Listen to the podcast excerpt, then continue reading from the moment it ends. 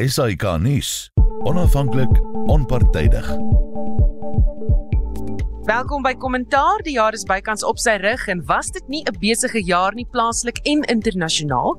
Vir 'n terugblik op van die jaar se grootste stories en hoogtepunte is my gaste die dekaan van Geesteswetenskappe by Akademia, professor Pieter Dievenage, Liesel de Lange, senior verslaggewer by Rapport en Dr. Harlan Kloete, 'n navorsingsgenoot van die Departement Openbare Administrasie en Bestuur aan die Universiteit van die Vrystaat. My klankregisseurs is Daiter en Godfrey en Johan Pieterse en ek is Susan Paxton.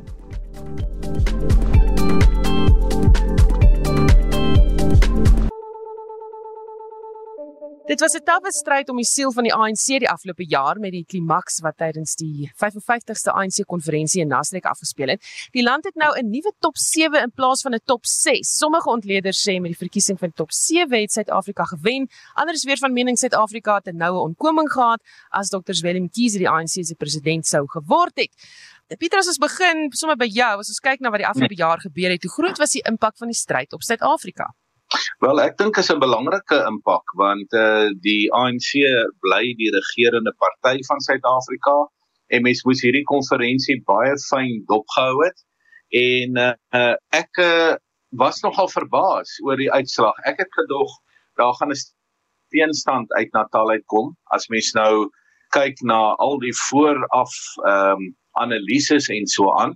En uh, ek was nogal verras dat president Ramaphosa so sterk deurgekom het. Paul Masatile is dan die adjunct president en dan Fikile Mabula, uh jy weet wat die sekretaris-generaal is.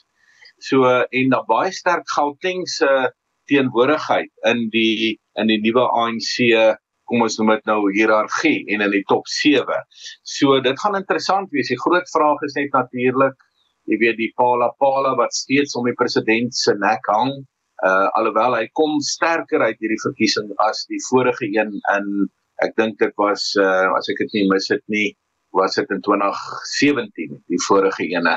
Um en hy kom sterker uit hierdie een uit wat my aanbetref maar hy het maar die albatros gestel het van Pala Pala en uh, dit sal interessant wees net 'n laaste opmerking Susan dat uh dit is nou 'n 'n top 7 wat eintlik hoofsaaklik uit Gauteng kom en uh wat van die plattelandse verteenwoordiging van die ANC nê ons weet dat die die sterkste steen van die ANC kom maar uit die platteland.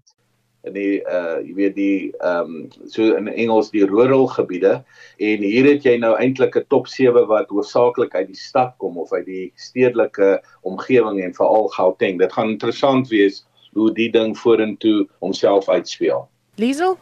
Ja, kyk, die konferensie was omtrent 'n dramatiese afloop en iets wat uh, wat my nogal daar opgeval het is uh die feit dat so lank gevat het om aan die gang te kom. Dit ons het uh, daar gesit, meer as 24 uur later die konferensie begin. Hulle moes die konferensie oopsluit sonder dat 'n klomp van die werk reeds gedoen is. Die beleidssprekers, die sprekings of die wat die terugvoer van goed soos die integriteitskommissie en daai tipe goed kon op die aard nie gebeur nie. En ehm um, ja, so dit is bekommerd oor die organisatoriese vermoë binne die party. En ehm um, ja, dit het dit op stadium uh, net op uh, aantal wat voordat die aankondiging of voor die stemme eintlik begin het, het dit gelyk asof uh, president Ramaphosa dalk in die sop kon wees met byvoorbeeld die Limpopo uh, daar was beweringe en video's wat die rondte gedoen het dat Limpopo geswaai het en Limpopo was natuurlik die tweede grootste provinsie daar. So KwaZulu-Natal of amper bankvas agter Dr. Willem Kies gestaan. So die die siddelgroep het uh, steen van Limpopo nodig gehad. Om het hy eintlik met 'n groter marge as laas gewen. Jy weet met meer as 500 stemme, ehm um, terwyl hy laas teen Dr. Nkosazana Dlamini Zuma het met so minder as 200 stemme het hy haar verslaan. So ja, ehm um, die enigste werklike ADT persoon in daai top 7 is Nomvula Mokonyane wat jong sekretaris-generaal is. So Fitem Balula sal haar waarskynlik op 'n ehm um, beheer of liewer weet bestuur. En, natuurlik kom Chatili wat eintlik meer 'n onafhanklike kandidaat is. So hy kom daar uit. Maar die vraag is wat gaan die president nou met daai beweerde groot doen? Nou net om te sê dat ons sit in beerdkrag iets wat Nastrek nie beleef het die uh, afgelope ruk nie. Uh, maar uh, die res van ons wel so die syne kom en gaan. Ons mag geduldig wees daarmee. Harlan, dis duidelik dat die afgelope verkiesing en hierdie stryd die afgelope jaar vir die ANC se siel dat die mense wat verkies is nie gekies is vir wat hulle vir die land kan beteken nie, maar vir hulle self en sekere individue in die party. Of dis hoe dit voorkom. Maar ek dink as jy mens kyk na die uh na die na die super 7 soos soos party mense dit nou noem, het die president ek dink sterker daai uitgekom. Vir die eerste keer is dit is die is die super 7 meer in sy guns met die uitsondering van hom Willem Makonyane. Paul Mashatine, uh, soos soos baie sê, is hy hy's eintlik ek dink hy is die groot wenner want hy was nie sigbaar in enige kamp nie. Ek dink die president se se faksie of se groepering kon nie konsensus bereik oor die oor die uh, tussen Ronald Remola en Oscar Mobilyane nie. En so ek dink Paul Masatile is die is die groot wenner. Ek, hy is ambisieus, hy kom met Gauteng uit. En maar vir die president beteken dit dat sy hand is nou baie sterker. Fikile was was voorheen in die Zuma kamp, jy sal onthou, in die 2017. Hy het toe uiteindelik oorgekom dat die Ramaphosa kamp toe en hy het sy kaarte baie mooi gespeel oor die afgelope paar jaar.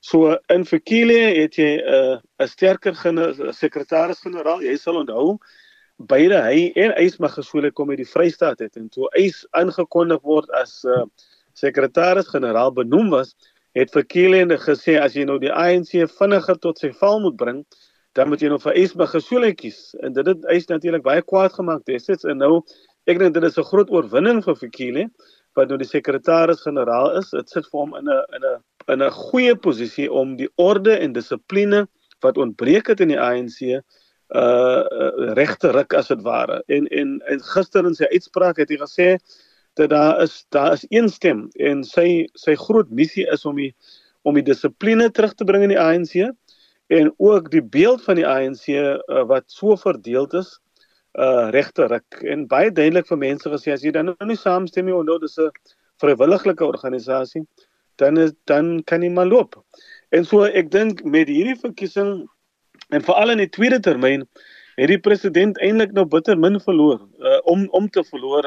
Hy kan nou uiteindelik sy rug styf maak en dit is wat die wat die publiek sê dat die president is so partykeer hulle sê hy speel 'n lang spel maar dit lyk hy kan nie sy mind opmaak nie. Hy hy hy hy konsulteer te veel en wat Suid-Afrikaners nodig het is 'n bietjie meer ruggraat en leierskap en 'n mens hoop jy sien dit in hierdie in hierdie sy tweede termyn.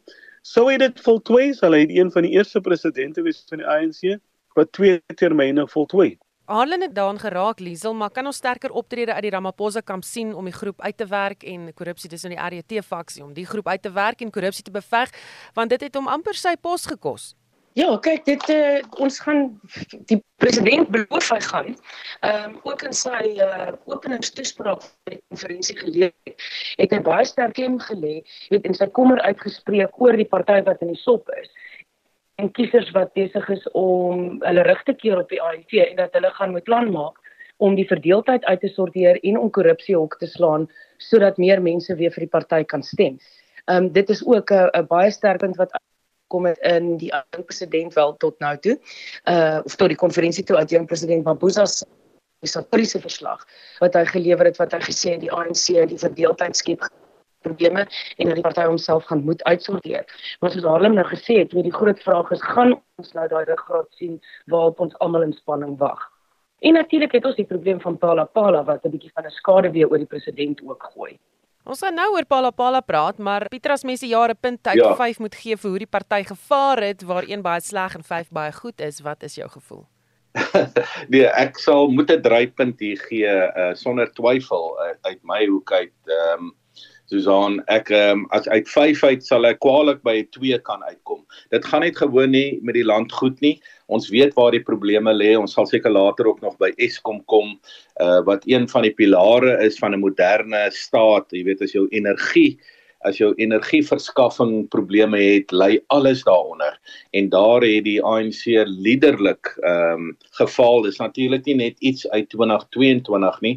Dit kom al uit lank pad ehm um, uh, laat die ANC uh, bewus was van hierdie ding. Maar behalwe dit, jy weet as mens nou dink aan die misdaad en jy dink aan korrupsie en het die Zondo-kommissie werklik uh inslag gevind en as mens dink hoe dit gaan op al drie regeringsvlakke waar die ANC regeer, onbekwaamheid en, en so meer, dan dink ek ek sal nie uh jy weet 'n goeie punt vir die ANC kan gee hoe hulle die afgelope jaar 2022 geregeer het nie.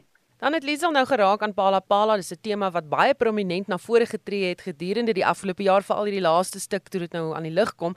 Aanvanklik het mense dit afgemaak as deel van die politieke veldspel om die president se hand te verswak tydens die konferensie, maar dit het toe nou duidelik geword dat dit nie die geval uh, was nie en hy is toe weer verkies. Arlen, jou gevoel oor die storie en waar ons nou trek daarmee? Die president het, het het gesê dat hy gaan nou reg na die konstitusionele hof toe want hy wil nie gesien word uh, dat hierdie dat hy sloer met hierdie saak nie.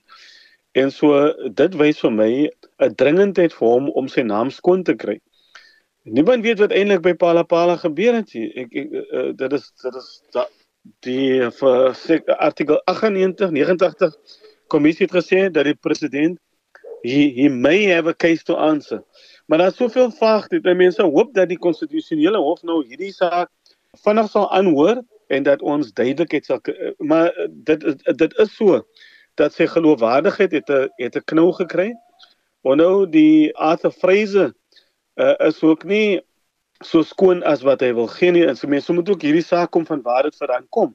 Maar dat hierdie 'n uh, swaar uh, swaar om sy nek hang is is is, is vergewis dat hy eh, oral waar hy gaan die by die konferensie het van die konferensiegangers ook 'n lied opgemaak oor oor Pala Pala. So mense wil hê dat hierdie ding vinnig moet klaar kry sodat ons kan fokus op dienslewering en die kwessies van Suid-Afrika. Jy weet daar is omtrent nie 'n staatsdepartement waar daar nie uitdagings is nie, of dit nou die polisie is, of dit nou plaaslike regering is, of dit by gesondheidsorg is nie. Die hele staatsdiens uh lê amper so te sê aan flarde en en en ons soek leierskap. Ek dink Suid-Afrikaners soek leierskap. Suid-Afrikaners soek antwoorde. Suid-Afrikaners soek innoverende denke van sy regering, maar die maar die president kan nie nou fokus met hierdie swaard om sy nek nie. En wat eintlik nog moeiliker is vir volgende jaar, dis 'n is 'n pre-election jaar. En so uh, ons weet dan dan word dienslewering ook op sy gestoot want dan moet die party uh verkiesing gaan beveg uh wat alle waarskynlikheid lyk dat hy nie so goed gaan vaar in 2024 nie. Pieter, uh, hoekom as ons kyk ja. na alles wat in die land gebeur en korrupsie wat oopgevlek word op regeringsvlak, sou die storie so 'n groot impak hê? Kyk, dit is dit het 'n groot impak want gestel nou net die saak gaan op hersiening en is negatief vir president Ramaphosa, dan sal hy sy pos moet ontruim ek voorsien dit egter nie as mens nou in die kristalbal kyk.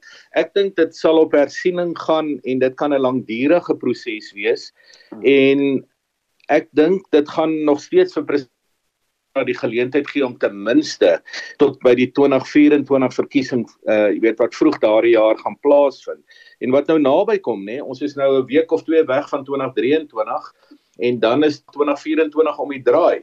En ek dink hy sal ehm um, met die hersieningsproses tot daar kan kom uh, tot 2024 en vir my is die interessante dat die verkiesing waaroor ons nou gepraat het by Nasrek dink ek help die ANC dalk om 'n klein bietjie beter te doen in 2024 met president Ramaphosa aan die stuur. Dis hoe hoe ek dit voorspel, maar in die geheel gesien dink ek ons het te doen met 'n ANC in 'n afwaartse spiraal dit is nie 'n party wat sy stemtelling gaan verhoog in 2024 nie. Dit gaan eerder sy stemtelling verlaag en en dit gaan minder inkom. Die groot vraag is net kan die ANC nog onder president Ramaphosa en die gehawendheid van die party en dit waaroor ons nou praat by 50% in 2024 uitkom of gaan dit onder 50% wees of selfs laer in die 40 uh, 40%.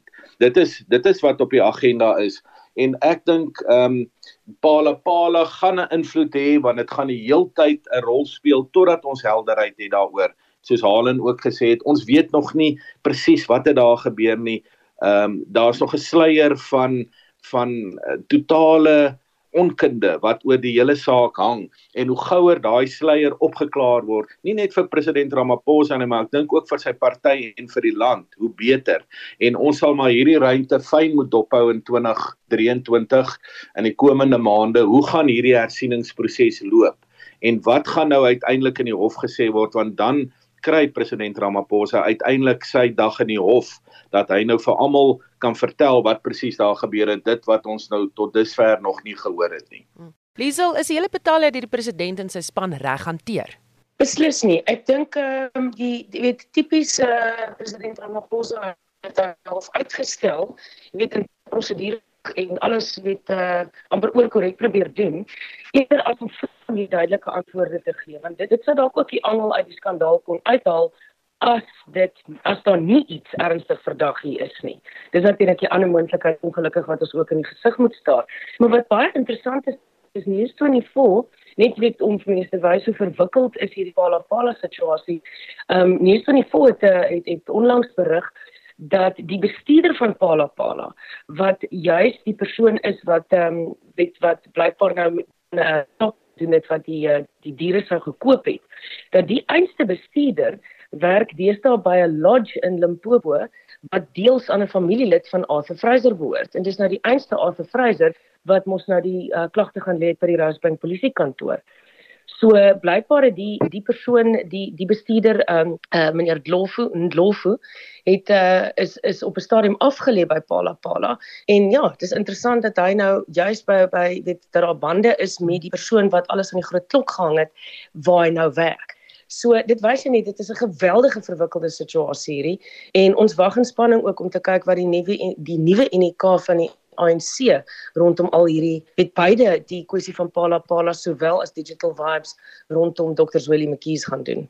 Die volgende aanslag op die president is natuurlik die privaat vervolging van Ramaphosa deur oud-president Jacob Zuma.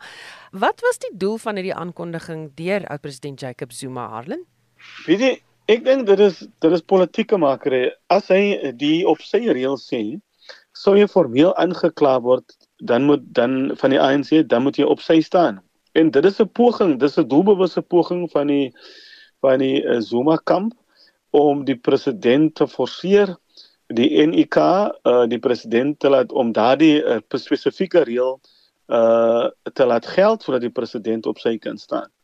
Nou uh die president se prokureurs, advokate het Jacob Zuma uh Foundation gesê om die saak terug te trek want in hulle oë is dit is dit frivolous, dit is niks seggend, dit is niks anders as politi politieke maker en die president het ook gedreig dat hy uh teen aanklag teen Jacob Zuma gaan lê.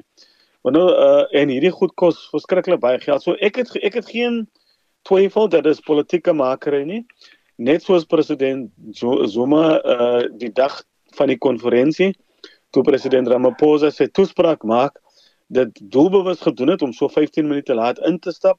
Dit is alles pogings om van die president ontslae te raak en om die Jacob Zuma en sy bondgenote se agenda te probeer dryf en om en om die president te verneder en die president uit die kussings uit te lig.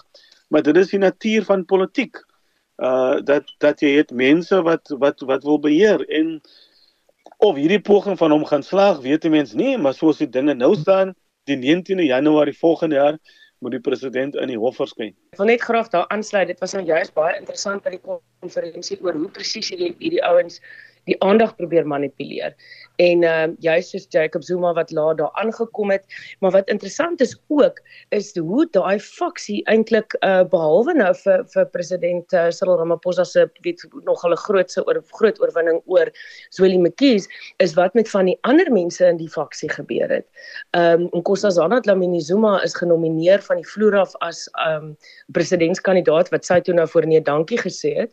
Maar erger nog uh Lindiwe Sisulu, ons minister van toerisme is uh, van die vloer af genomineer as uh, vir vir die pos van tesourier-generaal by die um konferensie en sy kon nie genoeg steun van die vloer af kry dat haar nominasie kon staan nie.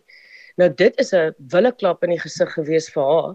Ehm um, en ja, nou is die groot vraag ook wat met hulle gaan gebeur, maar die die feit bly staan, jy weet die die die hele Pala Pala plan wat uh, wat uh, oud president Zuma daar gemaak het was duidelik 'n uh, 'n desperate poging om te kyk of hy nie um, van Ramaphosa ontslaak kan raak by die konferensie nie.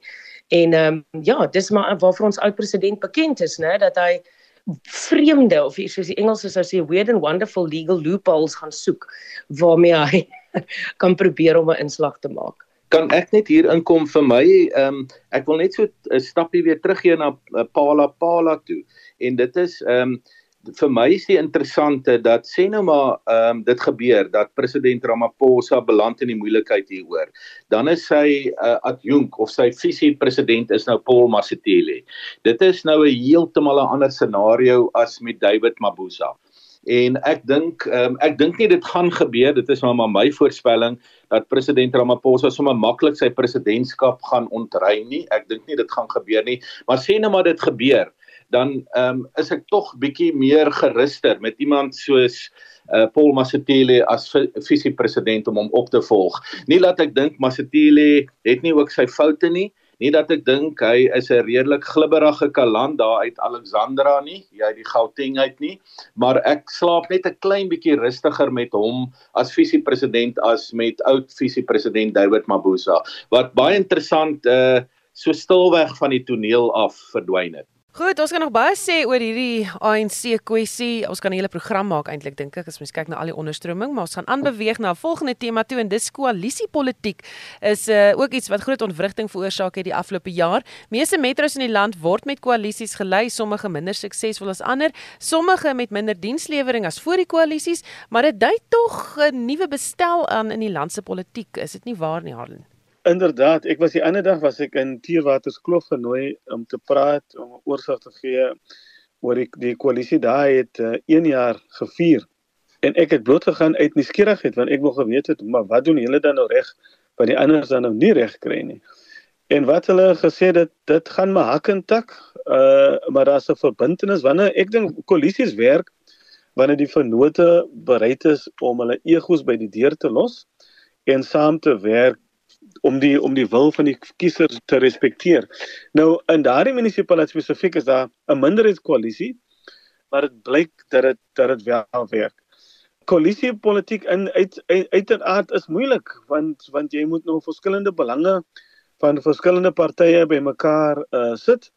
En ek dink dat die beste koalisie werk wanneer die twee groot verloders saamwerk uh in belang van die kiesers want baie keer gebeur dat die kleiner partytjies raak die die stert swai die hond in steede van uh van die hond wat in beheer is. En so koalisie politiek is baie nuut vir Suid-Afrika. Ek dink universiteite sal ook moet begine wakker skrik om te kyk hoe berei ons uh amptenare voor uh om om hierdie uh koalisies beter te bestuur want die probleem met koalisies is ook dat baie keer veroorsaak dit administratiewe wankelbaarheid, onstabiliteit binne in munisipaliteite. Pieter, is dit iets waarmee hmm. Suid-Afrikaners verlief moet neem? Iets wat hier is om te bly en is ons reg daarvoor? Ek, ek dink so. Ek vir my was dit interessant dat die afgelope jaar het ek seker oor min ander temas so baie politieke kommentaar gelewer as koalisiepolitiek.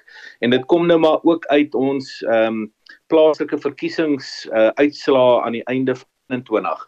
Vir my was 2022 'n jaar van koalisiepolitiek. En natuurlik was daar groeipyne en het dit maar moeilik gegaan op die gebied. Party op party plekke beter as ander. Ek dink nou maar byvoorbeeld aan die stadspolitiek of die metropolitiek in hierdie stadium wat vir ons uh baie riglyne gee dink ek hoe 2022 uh uitgespeel het en wat ook vir ons rig op die toekoms. En dan dink ek aan Kaberga uh die moeilikhede daar 'n minderheidskoalisie wat nou weer in die hande is van die DA voorheen was dit in die ANC se hande. Dit gaan maar moeilik daar. En ook Ukuruleni sou ek sê ehm um, wat ek fyn dophou is dieselfde probleem. Jy sit met 'n koalisie waar die DA ook heelwat onder die 50% het as die leidende party of die regerende party en dit skep probleme. Johannesburg is so ietsie anders en en Pretoria Tshwane.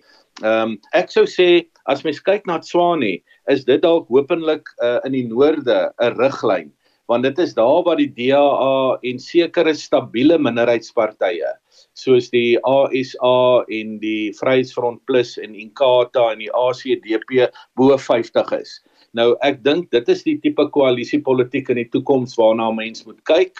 Uh Johannesburg is die DA koalisie ook ehm um, sukkel maar om by die 50% uit te uit te kom en mens sien wat daar gebeur.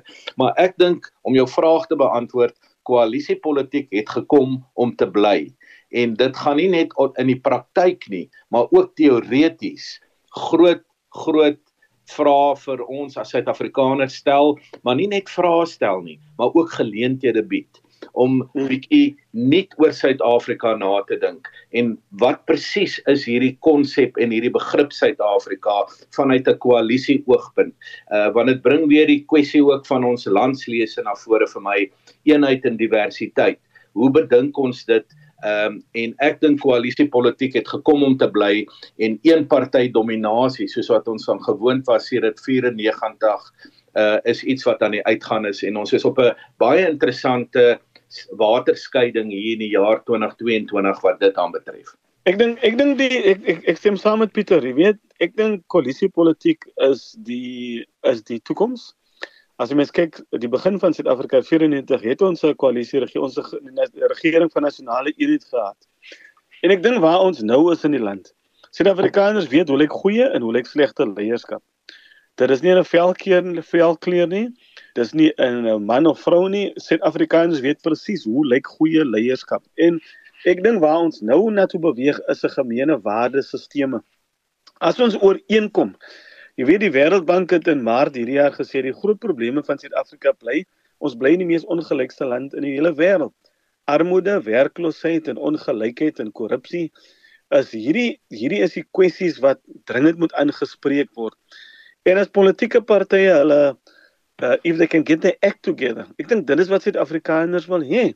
Nou vir my is dit logies. Ek kan nie verstaan hoekom die DA en die ANC nie om 'n tafel kan gaan sit en sê kom ons praat oor die Suid-Afrika wat ons wil hê nie. Nou die nasionale ontwikkelingsplan waar alle partye konsensus het. Dit bly vir my die mees progressieefste plan wat 'n eerlike benadering in 'n analise gesê het oor wat is fout met Suid-Afrika en wat ons moet in plek stel.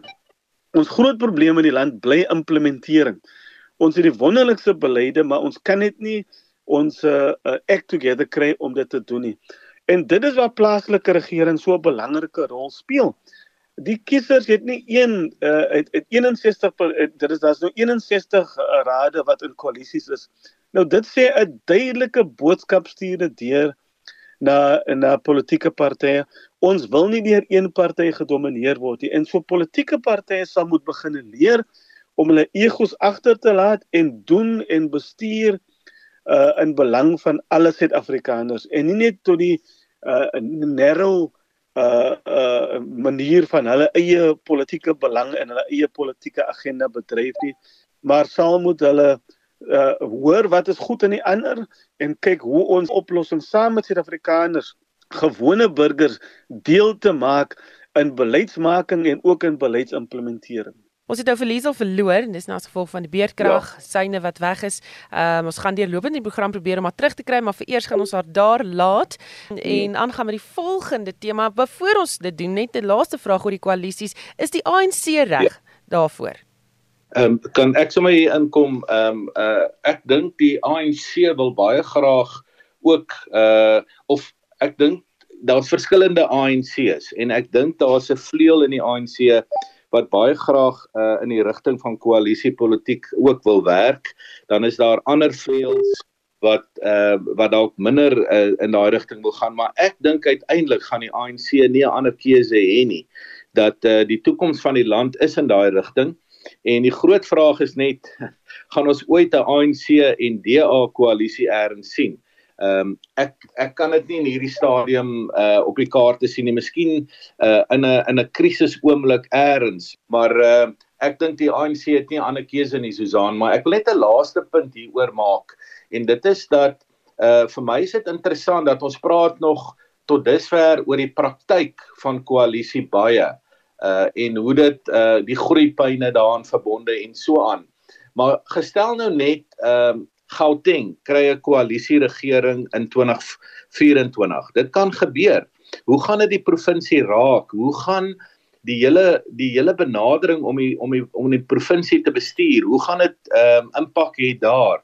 En dan het mense 'n interessante geval dat uh Kaapstad is is dan onder 'n DA regering en dit lyk of dit in 24 ook nog so sal wees, maar dan 'n DA geleide koalisie in uh Gauteng en KwaZulu-Natal kan natuurlik in 'n baie sterk rol uh ook kry uh wat dit ehm um, uh, voluit of gedeeltelik uit die ANC se hande neem. So ons gaan 'n heeltemal nuwe toekoms in. En ek dink die ANC onder president Ramaphosa is bewus hiervan en ek dink die top 7 gaan in die volgende paar maande en en in die tyd wat oploop na 2024 toe gaan gaan president Ramaphosa en sy top 7 en die kom ons noem dit nou maar die leidende dele van die ANC meer hulle self ook regmaak vir koalisiepolitiek. Kan kan ek gou net inkom? Ek dink waar die ANC en die DA hier in die Weskaap is 'n voorbeeld waar die ANC en die DA uh, baie lanksaam 'n uh, uh, munisipaliteit regeer het. Dis dis nie Kannaland munisipaliteit hier in Ladysmith. En dit het dit het nogal gewerk vir hulle vir my. Uh met opleiding met met vir hierdie raad. En uh daar's fascinerende stories oor hierdie oor hoe hulle gewerk, saamgewerk het die ANC en die DA. So wat daar wil is is daar 'n weg. Ek dink die DA het ook al uh by wyse gesê dat hulle is bereid om met Ramaphosa se ANC saam te werk. En so dis die dis die een koalisie moontlikheid. Die ander koalisie moontlikheid is natuurlik tussen die ANC en die EFF.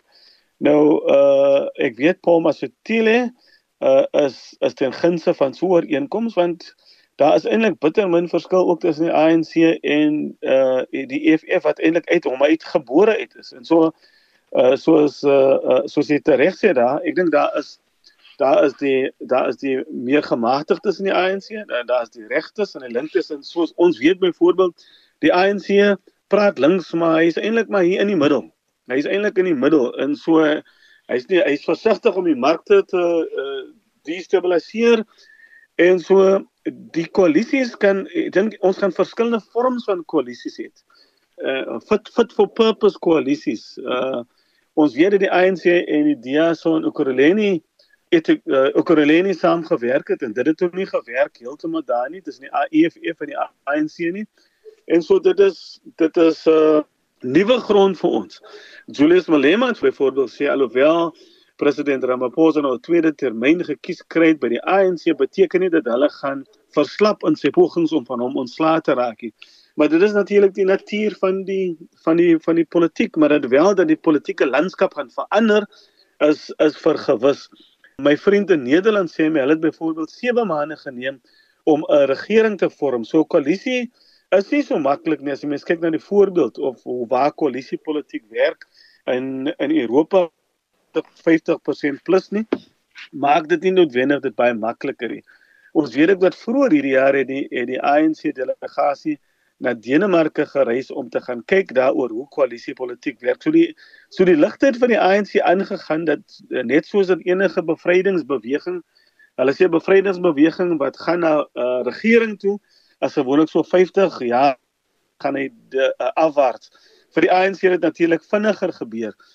Verkiesing by verkiesing verloor hy al hoe meer steun en daardie patroon gaan natuurlik voort in 2024 en en so ons gaan 'n baie interessante periode in waar ek dink ons gaan baie meer konsensus kry en baie meer kompromie uh maar ek dink nog steeds dat die twee groot groot verloders moet hulle they must get their act together en net saamwerk in belang van Suid-Afrika. Ek wou nou gesê het genoeg van politiek, kom ons praat oor ander sake soos Eskom, maar die staatsentiteit is so verweef in die politiek dat ons nie daarvan kan wegkom nie. Eskom en Beerdkrag wat al erger geword het, die bestuurshoof Andre de Ruyter wat bedank kort vir die ANC konferensie glo omdat die politici dit van hom vereis het. En dan kongresgangers wat geen Beerdkrag ervaar het daar by Nasrek nie terwyl die res van die land al kwaader word oor die Beerdkrag. En Arlen as jy nou terugdink oor die afgelope jaar, het jy enige ander uitkomste verwag as wat ons nou het wat betref Eskom? Ek is eintlik geskok aan, verstaan jy, ek, ek, ek miskien moet ek nie so verbaas wees maar ek weet, weet jy wat ek dink nou reg niks niks skree harder as onbevoegdheid, swak bestuur, swak leierskap soos beerdkrag nie. Elke keer as ek as die krag afgaan, stuur dit 'n boodskap na die brein toe van onbevoegdheid en swak bestuur.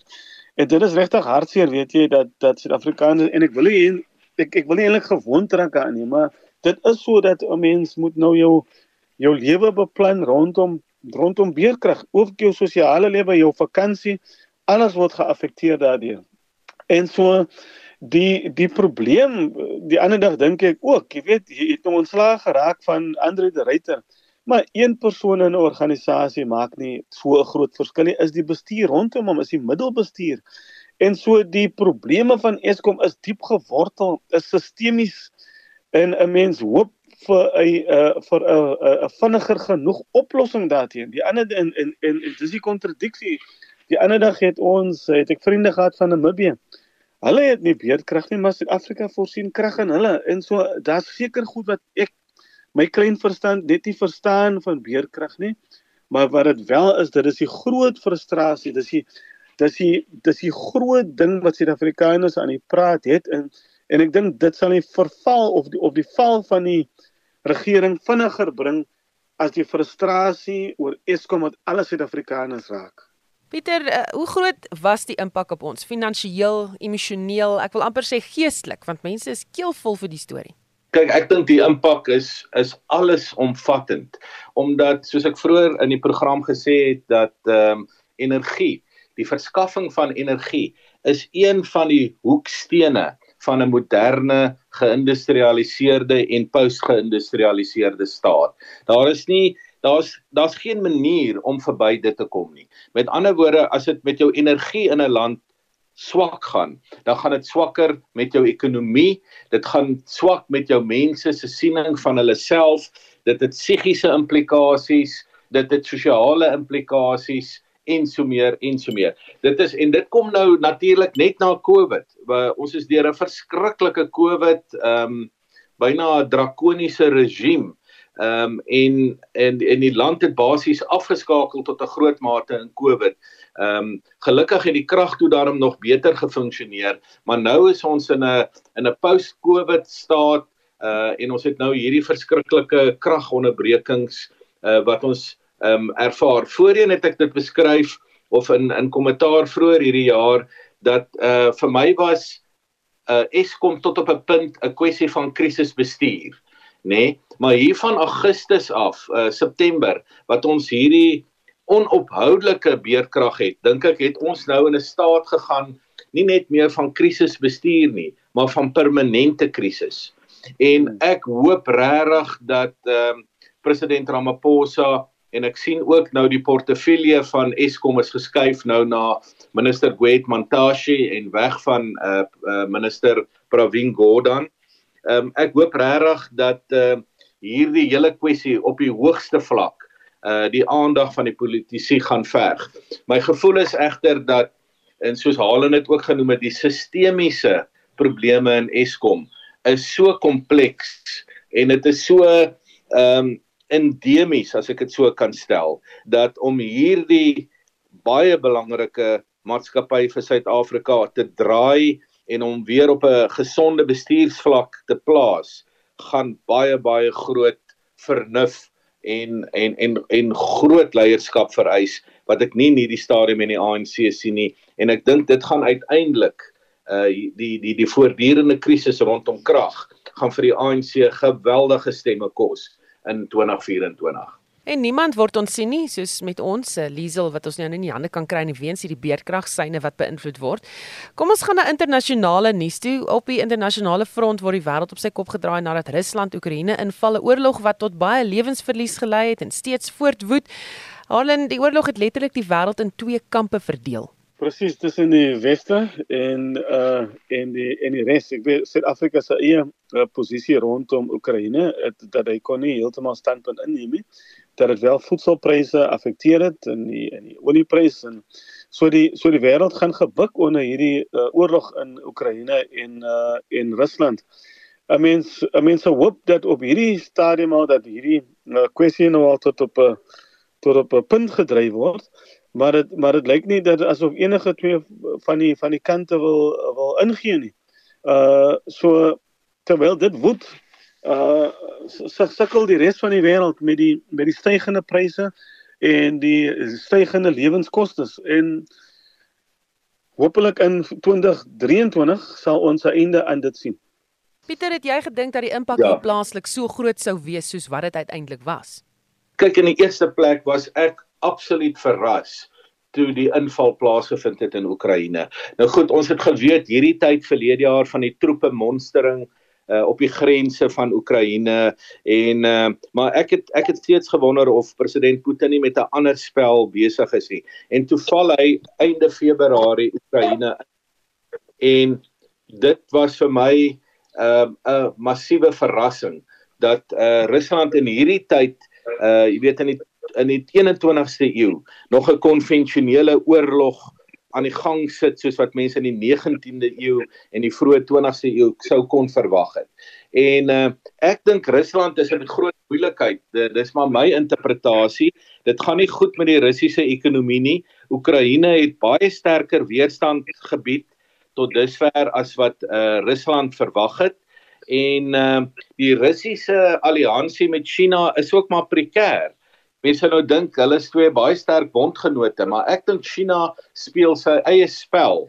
Uh mense moet ook onthou China is die tweede grootste ekonomiese mag in die wêreld en Rusland se ekonomie het die afgelope jaar dramaties agteruit gegaan vanweë sanksies teen uh Rusland. So jy sit met die situasie dat die Russe het nou omtrent die 15de sterkste ekonomie in die wêreld.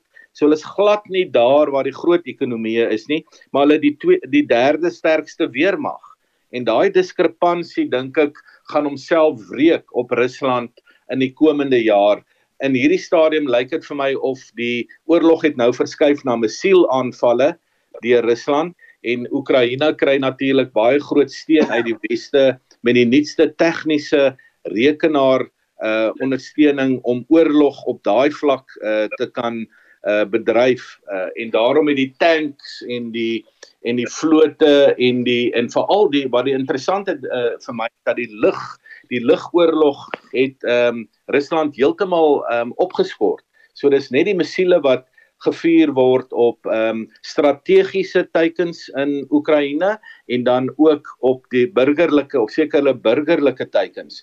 En dit plaas die Russe in 'n baie moeilike posisie uh vorentoe. Ek weet nie, ek hoop maar in 2023 sal hierdie sal hierdie kwessie opgelos word.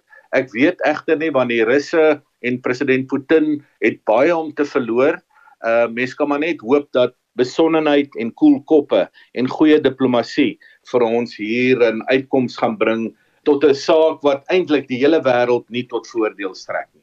Kan kan ek kan ek gou net iets sê rondom ek dink net soos net soos met met Eskom. Ek dink dit is in sekere uh, lande se interest dat die oorlog moet aangaan. Uh en en net soos uh, da ek dink daar's 'n klein groepie mense wat wat profiteer dit. Net soos met uh, Eskom wat ons nou voorheen van gepraat het dat die president nou moet die weermag moet ontplooi om sekere kragstasies op te pas. E, ek daar is vir my geen twyfel nie, daar is spekulasie gewees in die verlede dat daar 'n sabotasie en daar is ander magte want daar is sekere groepie mense wat regtig baat vind uit hierdie uh permakrisis wat ons wel beleef. En vir die onstabiliteit, daar is faktore of of mense wat nie stabiliteit wil hê nie en en ek dink ek hoop in in die in die langtermyn sal dit ook aan die lig kom hoe sekere lande saam span om hierdie onstabiliteit in die wêreld te wil hê. Pieter, laaste gedagte van jou daaroor veral in terme ja. van ons regeringsbeleid en standpunt. Ja, kyk, ons het mos ehm um, so tipe van 'n neutrale posisie, maar ons ons het nogtans ehm um, daar sim, simpatie vir Rusland uit regeringskringe sonder twyfel. En uh kyk die die verkie, die die die daar was mos al 'n paar keer mosies voor die VN dan bly ons uh, buitestemming. Ons het nou nog nie direk vir Rusland gekies nie. So dit ons het so tipe van 'n neutrale simpatie sou ek dit beskryf vir Rusland. En uh, dit gaan natuurlik nie goed af by ons grootste handelsvennote nie wat nou wat nou nie Rusland is nie en wat mense aan die ander kant ook gelukkig moet hou.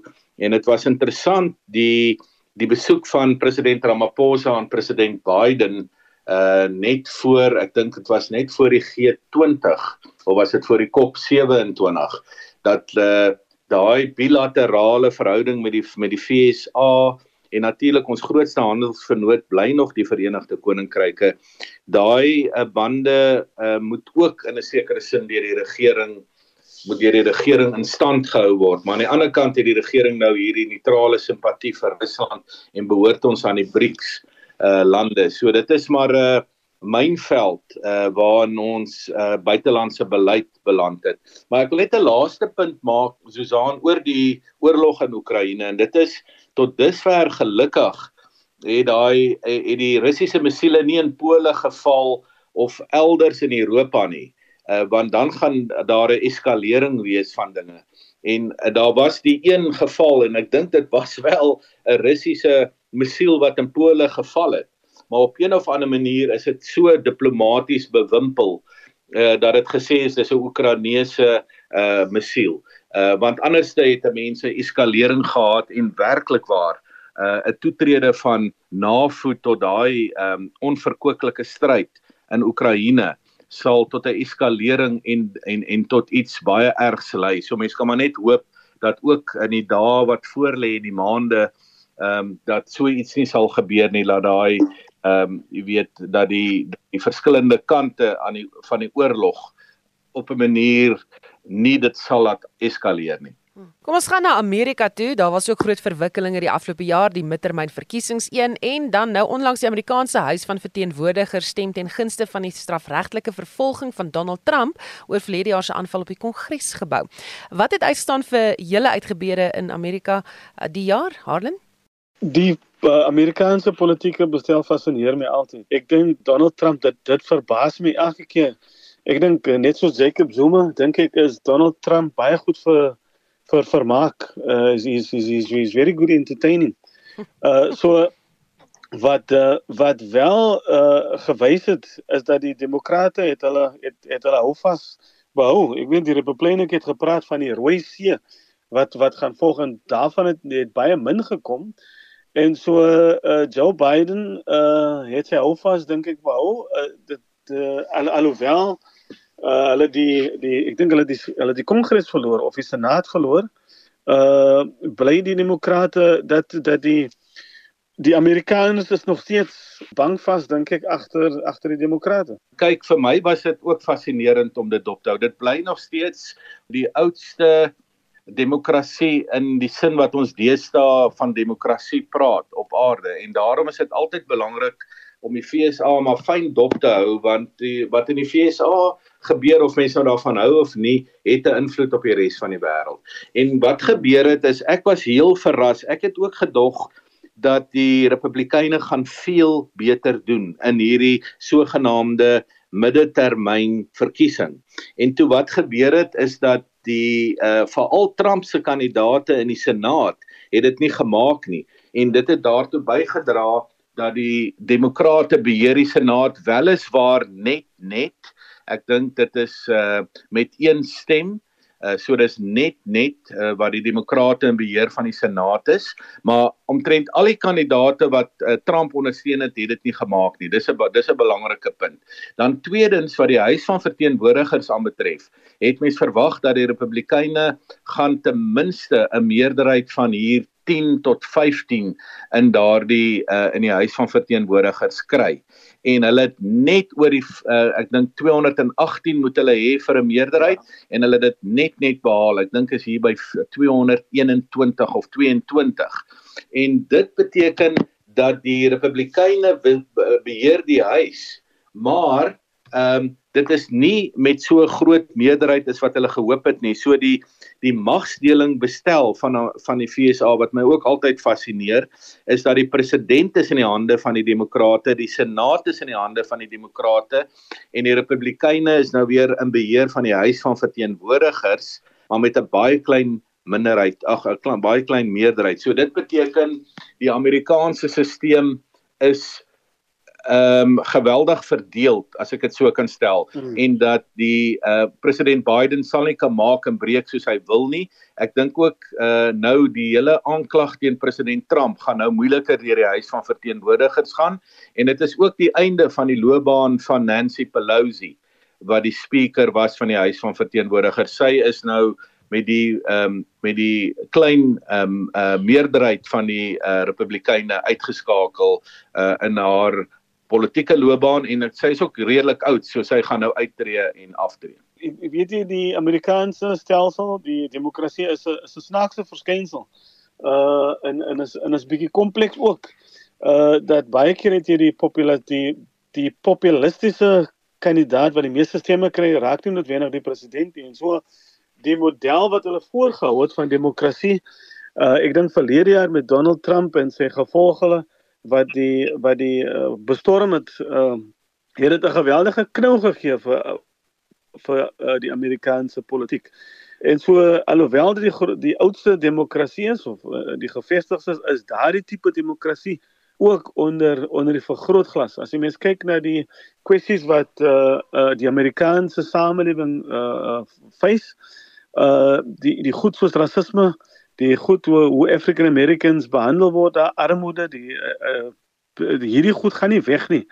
En en so ek dink ook dit het nou veral in Qatar byvoorbeeld uitgekom is dat die voorbeeld van demokrasie en hoe dit ge uh, uitgeleef word in die res van die wêreld uh uh wat wat ons in Afrika byvoorbeeld dop on dit is nie ek dink wat dit wel gewys het die laaste paar jare dis nie die beste voorbeeld wat ons het nie en en en ook die demokratiese projek uh wat wat ons sien in die wêreld. Ek is nie meer so seker of dit die gewenste uitwerking het nie. Uh, jy weet dat dat dat dit as as die demokratiese stel as jy mens kyk na wat byvoorbeeld in China gebeur is dat die die politieke bestel wat oor diktatorskap daar is maar dit het oor die 800 miljoen mense uit armoede uitgelig. In China byvoorbeeld het jy meer uh, patente wat uh, geregistreer word. Ek hoor wat Halen sê oor die oudste demokrasie met sy probleme en so aan en dat China ehm um, het mense uit armoede gelig. Ehm um, maar vir my wat my bekommer oor die toekomste wat oor die afgelope jaar en in die toekomstige tye wat voorlê is dat daar 'n sterker forme van autokrasie wat reg oor die wêreld na vore tree of dit nou in Rusland is of China of Turkye of waar ook al ehm um, dat daar is ehm um, daar's autokratiese tendense wat na vore tree en ek uh, ek ek sit nog maar steeds as ek moet kies sal ek my ehm um, sal ek my belange aan die kant van die Amerikaners of die Britte of die Nederlanders plaas wat van die oudste demokrasie het op aarde met al hulle foute en alles wat daarmee saamhang. Uh maar dit is nou maar uh uh dis maar sommer so suidelik suidelingse punt wat ek wil maak. Hmm. Goed, dis dan nou al waarvan ons tyd het. My gaste was die dekaan van Geesteswetenskappe by Akademia, professor Pieter Dievenage. Um, ons het verlies 'n lange siene verslaggewer by rapport op die lyn gehad totdat Eskom haar in die rede geval het en Dr. Halen Kloete, 'n navorsingsgenoot van die Departement Openbare Administrasie en Bestuur aan die Universiteit van die Vrystaat. Eskom hom ook daar in die wiele gery. Nou volgende week is die span weer terug en hulle kyk wat hou die gebeure vir ons in hier in 2023. My klankregisseur is Daitrin Godfrey en Johan Pieterse. Ek is Susan Paxton. Gesien Verskillende kersies vir jou en jou gesin van die kommentaarspan af. Thank you